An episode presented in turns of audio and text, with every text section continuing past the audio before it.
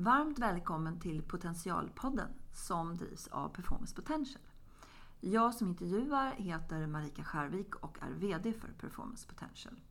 Tanken med den här podden är att vi ska ha avspända samtal med kloka ledare och komma lite under ytan kring deras personliga erfarenheter och bjuda på tips som du faktiskt kan ha nytta av. Eh, vad gör Performance Potential då? Jo, vi erbjuder ett digitalt verktyg som vi kallar för preferensanalys. Och där kan vi visa vad och hur man väljer att agera och närma sig en lösning. Vi kan faktiskt koppla de här olika tillvägagångssätten till specifika resultat beroende på vilka preferenser en person har. I den här podden så har vi valt att bjuda in ledare som kan ge lite nya tankar och inspiration. Och jag hoppas verkligen att du får med dig några värdefulla tips i vardagen. Varmt välkommen hit Magnus Brännström. Du är VD för, och koncernchef faktiskt, för Oriflame. Tack så mycket. Trevligt att vara här. Spännande att ha dig här tycker jag. Vi har ju träffats några gånger tidigare och pratat lite men nu ska vi eh, fördjupa oss lite grann i ditt ledarskap. Tänker mm. jag. Vad är det du gör egentligen som gör att det blir så bra? Ja. tänker jag. Så du kan väl börja med att berätta lite. Vem är du och vad gör Oriflame då för de som möjligen kanske inte vet? Mm, om vi börjar med Oriflame så är det ett företag som säljer skönhetsprodukter mm. till eh, män och kvinnor mm. i nästan alla åldrar men företrädesvis eh, de som är intresserade av hudvård och well-being. Mm. Eh, oftast är våra kunder då kvinnor i åldern någonstans mellan 30 och 60 år. Mm. Och vi säljer det via återförsäljare. Så vi har nästan 3 miljoner återförsäljare i över 60 länder som tjänar en en, en del av, och i vissa fall då hela sitt uppehälle av att representera vårt varumärke, mm. eller vårt företag. Sa du tre miljoner? Tre miljoner. Wow. Det var den, en imponerande siffra. Den går upp och ner lite grann, men, men någonstans där. Mm. Härligt. Och du själv då? Vad... Ja, eh, ja, det är ju alltid så. Jag är ehm, eh, norrlänning. Mm. Jag är eh, drygt 50 år, 55 år. Och jag, eller till och med 56 har jag precis fyllt. Och det är inte någon åldersnoja. Eh, jag är 56 år gammal, jag är gift, tre mm. barn. Ehm, norrlänning. Eh, bott utomlands i stort sett hela mm. mitt liv. Eh, men sen 10 år är jag nu tillbaka i Sverige. Mm. Eh, och har min familj i Vaxholm. Mm. Hur är det tänker jag? Det finns ju så många, nu när du säger det du gör, det finns ju många stories kring det här vad ska jag säga, expat historien. Att det mm. är så, så svårt att komma tillbaka. Att vi svenskar har lite Mm. Bristande förståelse för hur det är att inte vara svensk, höll jag på att säga, och inte jobba liksom i Sverige. Va? Va? Har du något, um, någon tanke kring det? Som du... Eh, ja, det finns väl många tankar. Mm. Det, det, det, är naturligtvis eh, en... Eh, det som har, jag ska inte säga räddat mig, men det som har gjort att min hemkomst mm. har gjort det varit mycket lättare var att ett, jag jobbade nästan aldrig i Sverige, så jag var aldrig van att jobba Nej, okay. i Sverige. Ja. Och mitt jobb är fortfarande att vara utomlands. Mm. Så även om vi har ett kontor i Stockholm så, och det innehåller 350-400 personer så är nästan hälften av dem är födda i något annat land. I något Oriflame-land och vi talar bara engelska på kontoret. Mm. Och, och jag reser väldigt mycket och har många av mina medarbetare i andra länder. Mm. Så jag kan inte säga att jag egentligen Nej, du, du är global. Jag jobbar inte i Sverige för Sverige Nej. är så liten del av vår, vår verksamhet. verksamhet ja. mm. Så jag tror att i mitt fall så har det inte varit så eh, jobbigt som jag vet att det är för andra. Nej. Det som jag tror många eh, av oss utlandssvenskar när man flyttar hem ja. eh, så är det väl lite, det blir väl lite en, en, en känsla av att, att man går från att vara med om någonting speciellt mm. till att komma in i någon form av eh, vanlig vardag. Mm, mm. Och eh, det kan man ju tycka då ibland, eller jag tror att man, man, man får ens, ens ego kan få sig en liten törn. Därför att när man kommer hem så tycker man att man har så mycket att berätta. Man har varit med om så många saker. Just det, just det. Och eh, ens eh, kompisar eller släkt eller så eh, kanske inte så intresserade av vad man har varit med om som Nej. man tycker att de borde vara. Och det gör att, att, att jag, jag, tror att många känner att man hamnar i ett läge där ja, det är inte så roligt att vara här. Liksom. Nej, jag förstår. Nej, men man, man, man kommer med erfarenheter som andra inte kan relatera till kanske? Ja, kanske ja. inte heller så eh, liksom, eh, de är inte så värdefulla i Sverige. För nej, en nej. del av de erfarenheter man skapar sig utomlands eh, betyder inte så nej. mycket. Här. Men det var ju lite grann exempel på det jag sa. Att vi, vi, har, en, vi har lite dålig respekt ibland kanske för För det som inte är här utanför. Det är ju min egen värdering. Ja. Så det ska vi inte kanske nej, nej, nej, nej, men det, det, Jag vet inte om det ordet är respekt men jag tror att eh, min uppfattning, mm. min erfarenhet mm. om man säger så, är ju att många svenskar har ju rest mycket mm. i världen. Och därmed sett mycket. Ja, ja. Men kanske inte förstått allt man Nej. sett. Och i Sverige så finns det eh, all, alla länder och alla människor på jorden är ju centrerade kring sig själva. Ja, så är det ju. Men mm. jag tror att problemet, eller utmaningen, jag vet inte om det är ett problem. Eh, utmaningen är den att i Sverige har vi ordet lagom. Mm.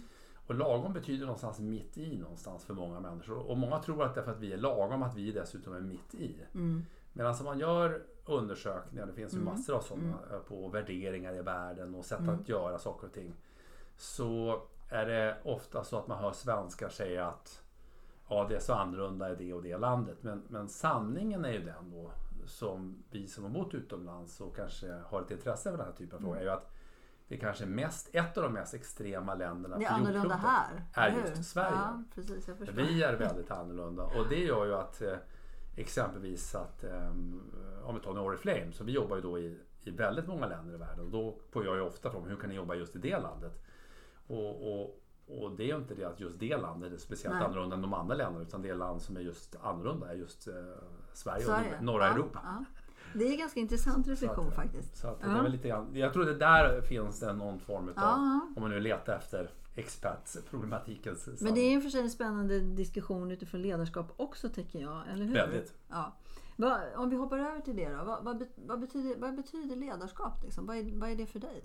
Om du skulle beskriva det. Ja, men alla eh, verksamheter och alla, alla grupper utav mm. människor som ska röra sig i någon riktning behöver ju eh, någon form av ledarskap. Mm.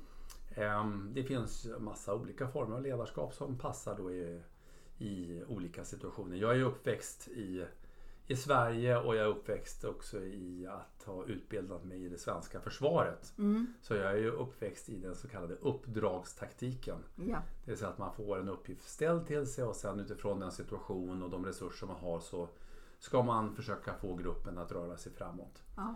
Och det är väl i grunden min, min ledarskapsuppfattning. Sen så finns det då eh, lika många sätt att ta sig till målet som det finns människor och ledare. Mm. Mm. Och det är väl det som är spännande. Just det. Är det någonting annat? Jag tänker det här att man har jobbat i försvaret. Det är ju ganska många eh, ledare som, som, eh, som, många, men det är flera som har gjort det och gärna går tillbaks till det. Liksom. Eh, som en, en grund för hur man tänker och, och hur man resonerar och så vidare.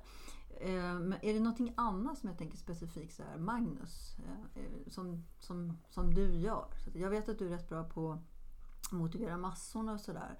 Eh, Eh, Mm, ja, en del av mitt tänker, jobb. Ja, ja, ja men ja. Ändå, det är ju någonting som ändå är... Hade du inte tyckt om det menar jag så hade du inte gjort det. Nej, jag tänker, är det någonting mer förutom det här förutom uppgiften, uppgiften som du känner? Liksom, som, Nej, men, som, är, som är ganska signifikant för just dig som, som person kanske? Eh, försvaret är en del ja. av den upplevelsen. Ja. Ens eh, bakgrund ifrån mm. Småföretagarfamilj. Norrland är ja. en upplevelse. En andra eh, bidrag till min, eh, min personlighet är naturligtvis också detta att jag flytt, flyttade eh, inte bara från Umeå tidigt Nej. utan även från Sverige tidigt. Mm.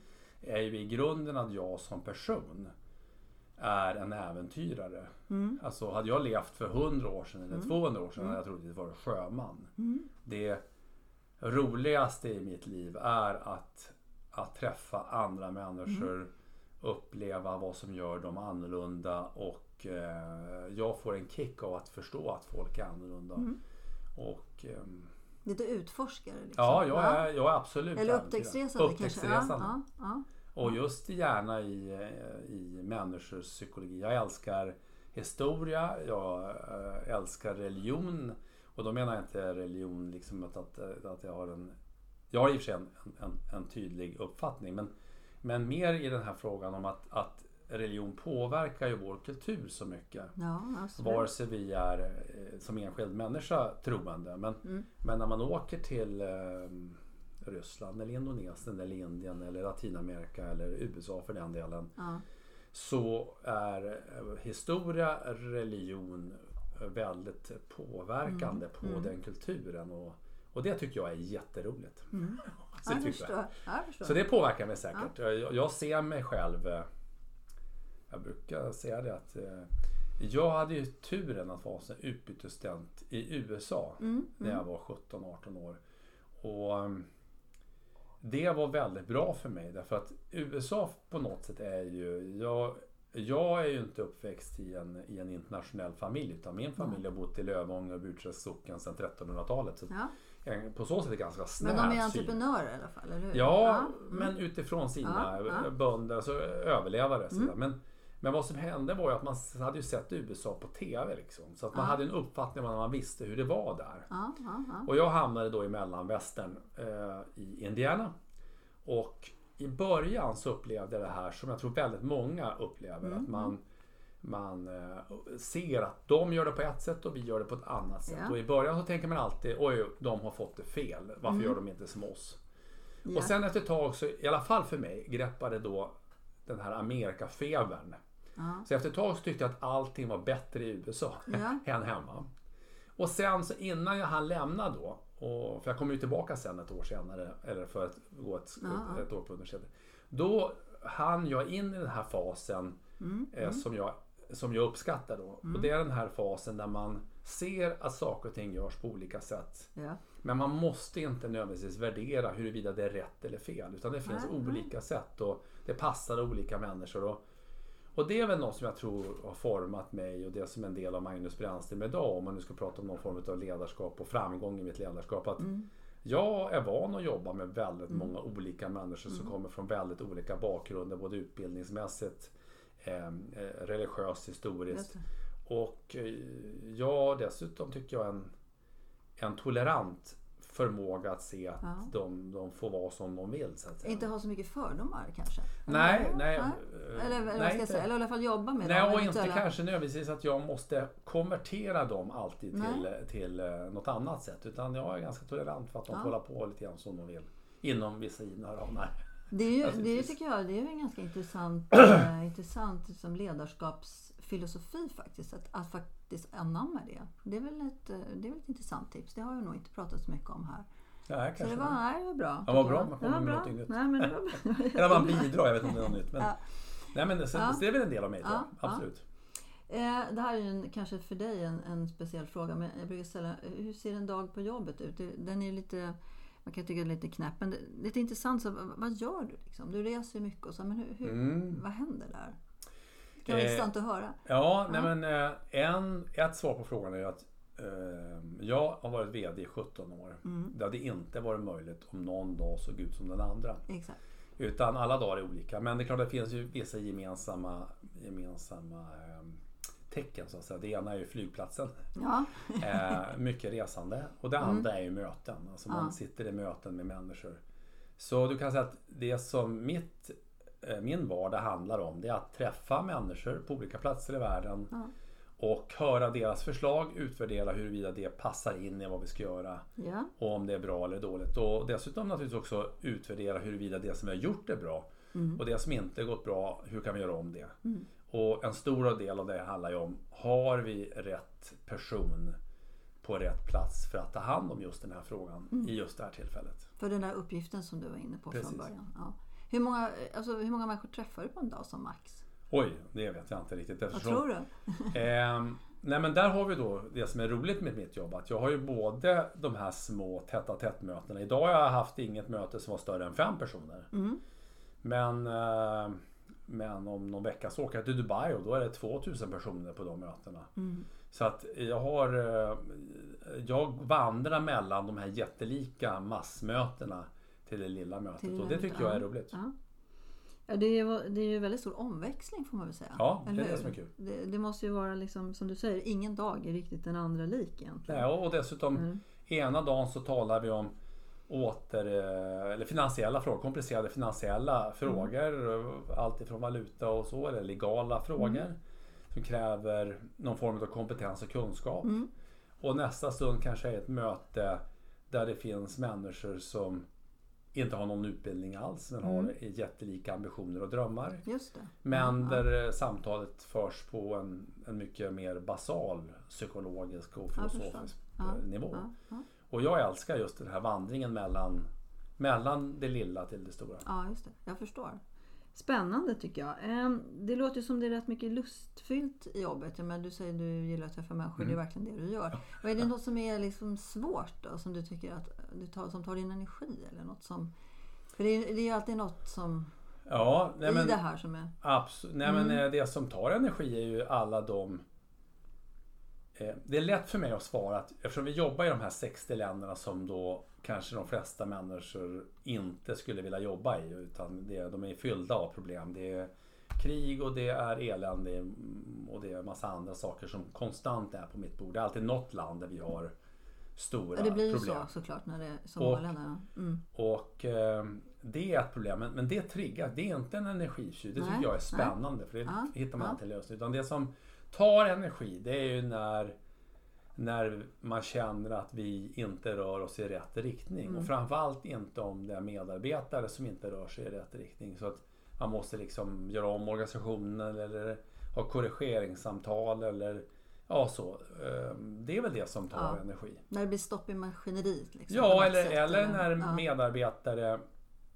Eh, det finns ju alltid eh, konflikter Mm. när det finns människor involverade. Och en del av de konflikterna är hälsosamma eh, så kallade brainstormings. Ja. Och andra konflikter är då eh, energitjuv, eh, tjuv, tjuvande, eh, energitagande möten. Och det är de här energitagande möten där man känner att de här människor som nu är i konflikt med varandra av olika orsaker, inte för att det egentligen är till större gagn för bolaget, utan det handlar Nej. om att att så att säga eh, försvara sitt revir Ja, eller eh, Egorna dyker upp så att E- säga. Eller Mm, egorna mm, dyker upp. Det, det tycker jag är jobbigt. Jag, jag är inte speciellt prestigefylld själv. Eh, och därför så tycker jag att det blir jobbigt. Ja, ja men det förstår jag. Det, det, och, och det där är ju, det kommer ju hela tiden. Människor har ju den förmågan att, att fastna i den typen av... Det är också det som är intressant naturligtvis. ja, ja, Men, men just de där meningslösa konflikterna som, som Mm. egentligen bara handlar om att jag inte vill dela med mig av någonting som jag tycker att jag kan eller jag vill Nej. ha något som du är ansvar för bara för att Ja. liksom boosta mitt eget ego ja. och så ställa till problem. Det, det tycker jag är jobbigt. Hur gör du då? då? Liksom, har du någon teknik för att, för att stå ut, höll jag på att Eh, säga? Eller, eller Nej liksom men man ändå- måste... Du alla, alla situationer är olika. Ja, Och eh, man måste naturligtvis... Eh, alla konflikter ska heller inte redas ut. Jag engagerar mig inte i alla konflikter. Nej, det får de faktiskt reda ut själva. ja, ja. Eh, och ibland så måste man agera. Och, Mm. och, och det kan ju antingen betyda att man eh, byter arbetsuppgifter med varandra. Eller, Mm. att, eller man får ta helt enkelt, jag får ta beslut på att nu är det så här, det är det som gäller. Gillar det eller gillar ni inte det? Det är trots allt ert problem. Mm. Eh, Så det finns ju då ett ett tydliggörande. Och i de värsta fallen så betyder det att man måste lyfta ut någon ja. som, inte, som snor inte bara min energi men snor energin från alla runt omkring sig. Ja. Och jag tänker, du, i och med att du har ett sånt kan man säga brett eller komplext eller dynamiskt arbetsfält då, om jag får uttrycka mig så. Mm. Eh, så tänker jag att, som, har du något tips på hur man ska bete sig? För det, är ju, det dyker väl upp för dig tror jag mer kanske än för, för andra extraordinära tillfällen när liksom, du vet, det blev inte som hade tänkts eller det blir kris eller, eller det sker saker som verkligen är eh, någonstans där man aldrig hade tänkt att det skulle hamna. Mm. Har du något tips? Liksom, hur ska man hantera det där? Ehm, Eller hur gör du? Nej men man, man måste ha några filosofier. Ja. Så att säga. Den, ehm, först och främst, aldrig upp. Ja. Det finns alltid någon Ja. lösning. Ja, Den, den, den Ja. tror jag är viktig därför att ibland, ibland är det lätt när man tänker det här, det här går inte, det är omöjligt. Liksom. Men, det- men det finns alltid någon lösning. Eh, och nummer två är att alltid fråga sig, eller inte vara förälskad av idéerna som gjorde mig framgångsrik igår. mm, mm, Det är väldigt lätt hänt att jag, jag går till mig själv, jag sätter ner foten och så säger jag så här, nu ska vi gå vänster. mm, Och så går det en vecka och så upptäcker jag att vänster var ett riktigt dåligt beslut. Mm. Istället för att spendera en massa tid och försöka försvara vänster eller Ja. liksom försöka reda ut varför, varför alla andras fel, varför det inte lyckas Ja, när vi går ja. till vänster. Så gäller det att så snabbt som möjligt anpassa sig och liksom ställa sig utanför sitt eget beslut. ja. Det var jag som tog beslutet om vänster. Vems var ett dåligt beslut, eh, då ändrar jag det. Mm.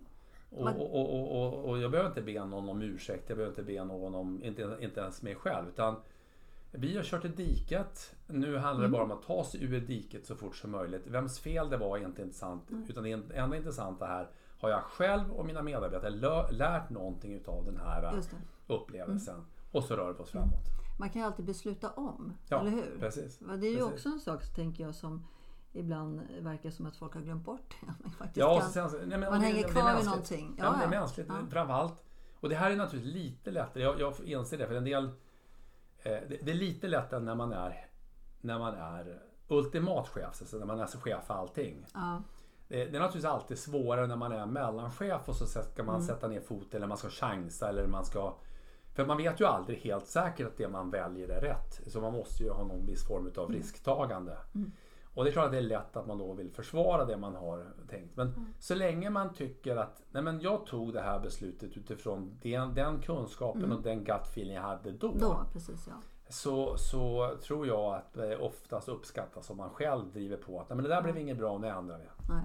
Men tror du att det kan vara så att anledningen till att man inte gör ett om, ombeslut, då, eller vad jag ska kalla det för, är för att man man är så att säga rädd att tappa ansiktet. Att det, att, ja, men det är en del av det naturligtvis. Att det är det som gör att man ja, hänger kvar vid det som faktiskt blir ännu sämre så att man i alla fall tappar ansiktet i efterhand. Ja, och så sen så som vi alla vet så vet vi alltså, på samma sätt vi inte vet varför saker och ting eh, eller hur det ska bli innan man tar beslutet. Så är det inte alltid helt lätt heller att reda ut varför det inte blev som man hade tänkt sig nej, efteråt. Nej, nej. Och, och då ställs ju oftast frågan, är det ditt fel eller är det mitt fel?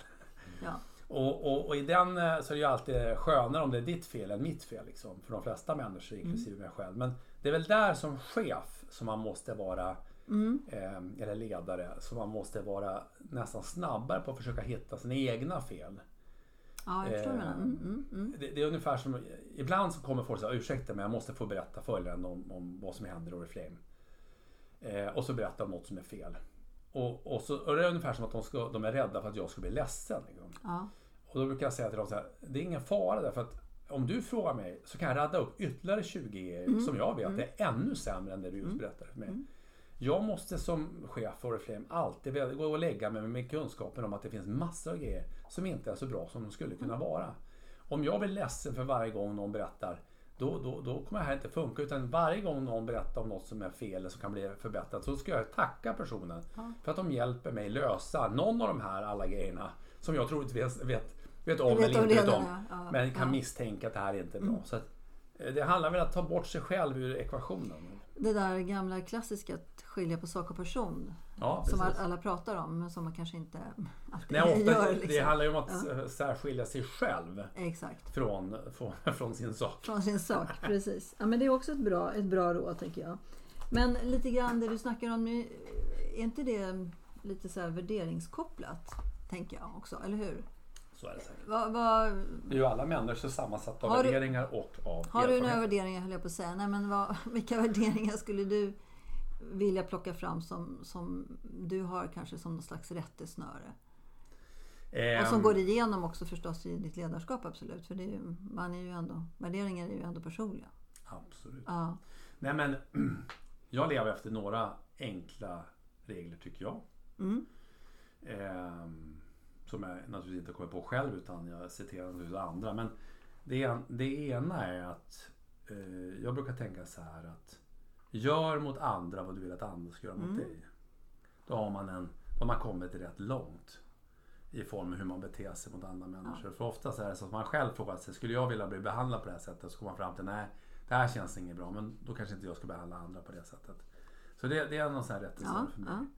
Eh, som har sina för och nackdelar. För ibland så, så blir man ju då kanske för snäll, eh, för förstående för, för problematiken. Men i det långa loppet måste man ja, kunna leva med sig själv. Och det andra som jag brukar tänka på det är att jag har en chef, hade min första chef, han sa att om det var lätt var det redan gjort. Precis. Eh, det vill säga att eh, om det är svårt, acceptera att det är svårt. Mm. Och bli inte sur på dig själv eller på dina medarbetare för att det inte är gjort än. För att eh, liksom, det är kanske svårt. Mm. För var det lätt, då hade vi redan löst det här. Då hade vi inte behövt mm. hålla på med det. Så att, ge inte upp liksom. Utan det är bara, det, det är bara att traggla på och driva på. Eh, och sen så brukar jag försöka, eh, en annan sak som jag på något sätt, det är att om jag inte förstår det här, då är det troligtvis fler än jag själv som inte förstår. Ja. Mm. Och då är det lika bra att man frågar om det. Ja. Istället för att sitta där och tänka, men det här, det här det här fattar alla liksom. Men inte jag. Mm. Det är sällan man är väsentligt mycket dummare än alla andra. Nej. Och det brukar jag också tänka då på när folk talar på ett sätt så att jag inte heller förstår. Mm. Det betyder inte nödvändigtvis att alla runt omkring en är så mycket smartare än en själv. Utan det handlar om att försöka förstå vad folk Mm. säger. Så det är väl så här rättesnören som jag har för mig själv. Men sen så är jag ju naturligtvis grundad i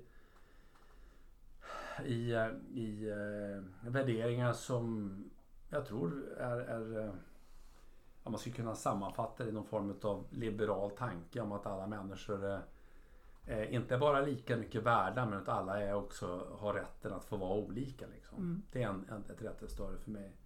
Jag tror på eh, att alla, alla människor har en, en, eh, en förmåga Måga, som, de kan, som de kan använda. Sen Ja. vet inte alla om Nej. vilken den förmågan är.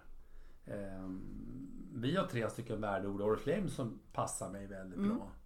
Det ena är då det här med vad vi kallar togetherness, alltså att, att jobba ihop. Jag tycker det är kul att jobba ihop. Mm. Mm.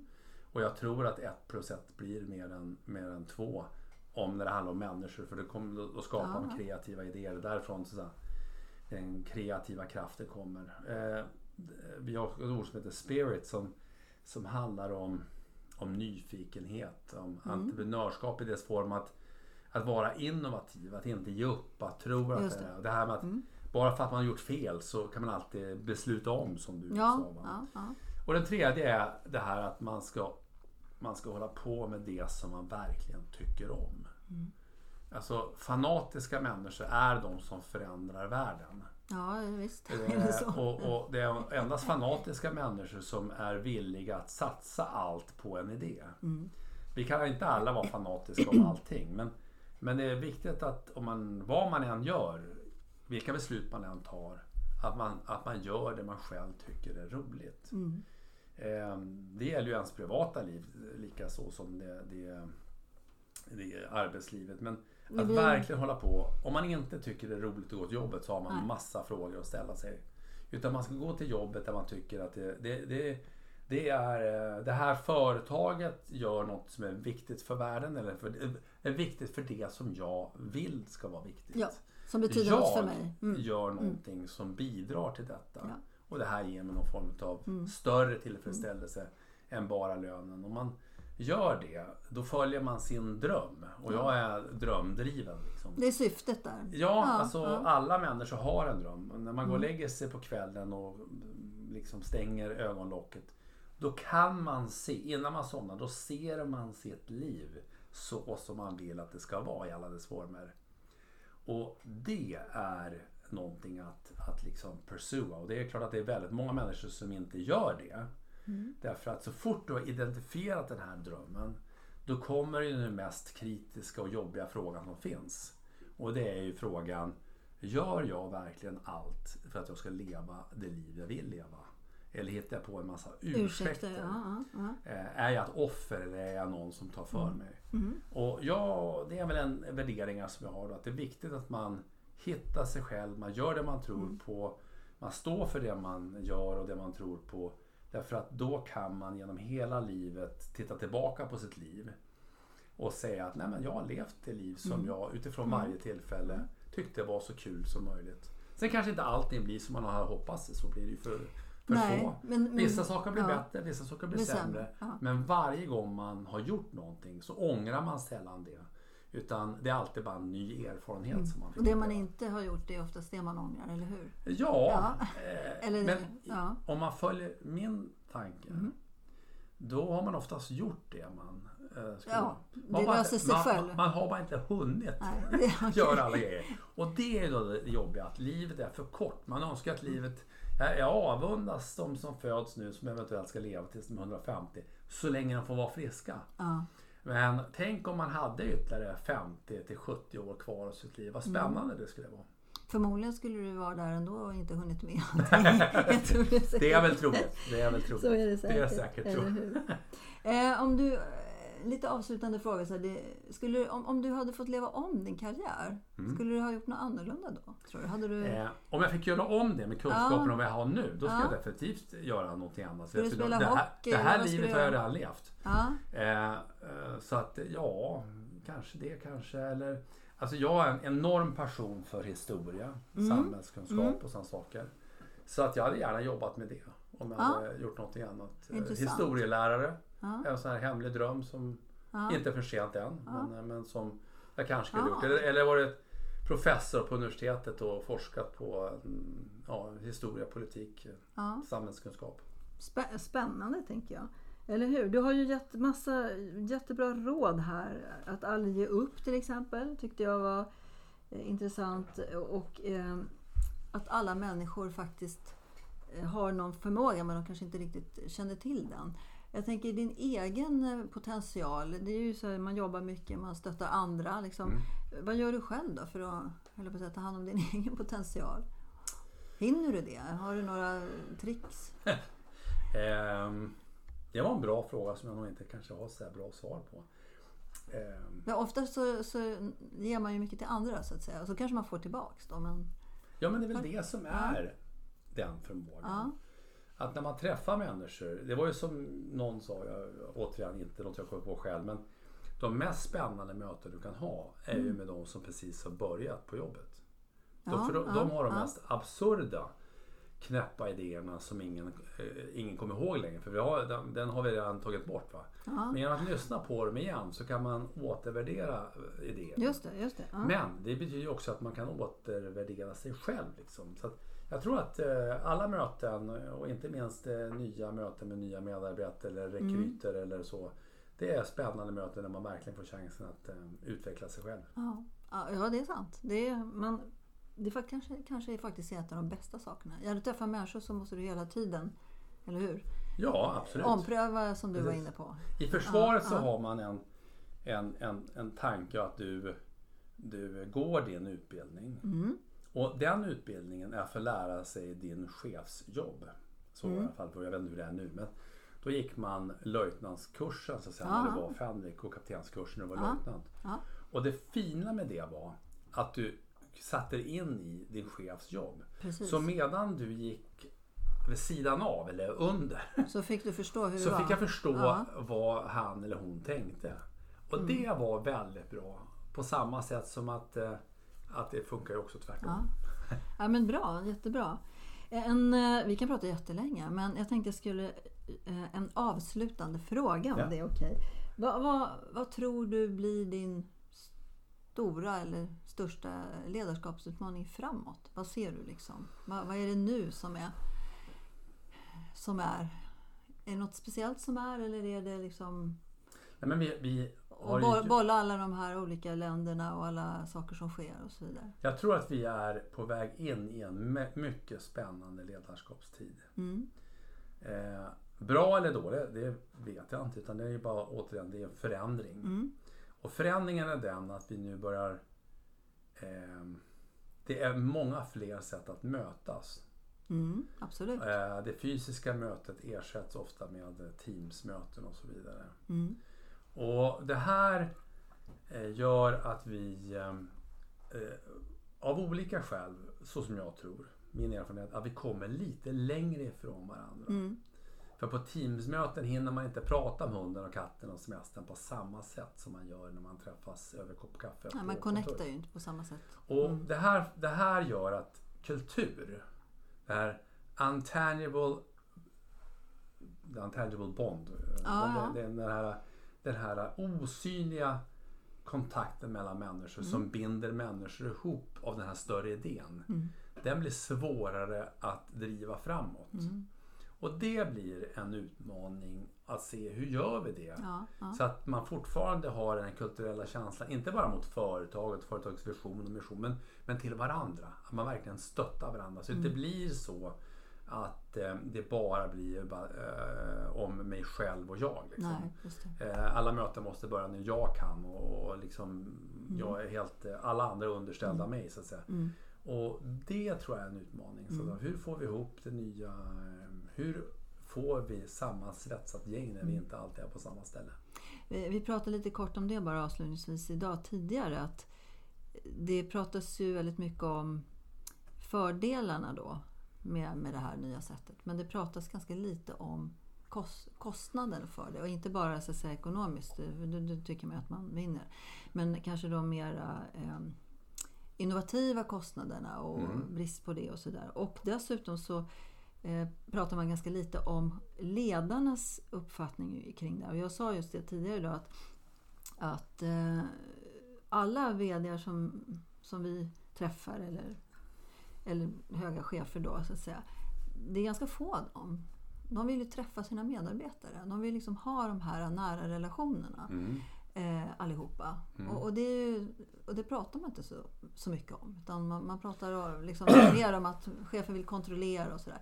Men, men egentligen på riktigt, så att säga, genuint, så, mm. så vill man ju, precis som du beskriver, man, man, man utvecklas och man växer och man, man får lust i det jobb man ska göra. För att man just får träffa de här olika personerna och stötta dem på olika sätt. Och det är kanske därför man också blir ledare någonstans. Eh, jag, jag, jag, tycker du trycker på en väldigt bra punkt. Eh, den här kontrollmekanismen, den, den eh, kan du ju säga utvecklas nu i raketfart. Mm. Där företaget eh, kan eh, studera när du tittar på skärmen och mm. vilken eh, hemsida du är inne på, lämpliga och olämpliga mm. och hur ofta är du där och hur många timmar och så vidare. Och, och, och det kommer utvecklas därför att fler och fler människor kommer komma i den här så kallade gig-ekonomin där vi mm. köper delar utav människors livspussel så att ja. säga. Och då måste vi reda ut hur mycket är din tid hos mm. mig värd i form av två timmar eller fyra mm. timmar eller sex timmar och så vidare. Den, är, den kommer att utvecklas och kanske bli ännu större kontroll än vad vi har haft de sista mm. 10, 20, 30 mm. åren. Så ur det perspektivet så är det här eh, liksom det är, ju en inte, det är faktiskt en intressant tanke du Men tar upp där. Men det du tar upp är ju oerhört spännande för att du kan säga att, att eh, ehm, jag vill ju träffa medarbetarna för att kunna entusiasmera dem. Men mm. också för att hitta de där möjligheterna till den här förbättringen. Ja. Människan som berättar för mig vid kaffeboxen eller kaffekokaren att du vet, eh, det här funkar inte på nätet eller det här funkar med logistiken. Det här mm. kan vi göra bättre. Och den här idén och jag, den är, den är lite knäpp men, eh, mm. men så jag har inte skrivit ner den för att den är så knäpp Nej. så jag törs knappt skicka den. Men Nej. jag tänkte jag skulle berätta för dig. Ja, ja. De där sakerna. Mm. Mm. Det, är de som vi, det, det är de vi vill åt och det är de som vi är, mm. är det är det som är utmaningen. Mm. Naturligtvis måste vi hitta nya sätt. Det finns en hel del att göra framåt Magnus, eller hur? Så är det. När det gäller ledarskapet. Det är därför man vill leva så länge så ja, man får uppleva allt. Precis. Och jag tycker det, har, ja, det var många intressanta, jag tror att det kommer vara väldigt intressant att lyssna på det här för du, du har ju du har lite ett annat perspektiv tror jag. I och med att du har den erfarenheten och har jobbat på det sättet du har gjort. Så otroligt stort tack för att du kom hit. Um, Tack för att jag fick vara här. Tack snälla. Tack.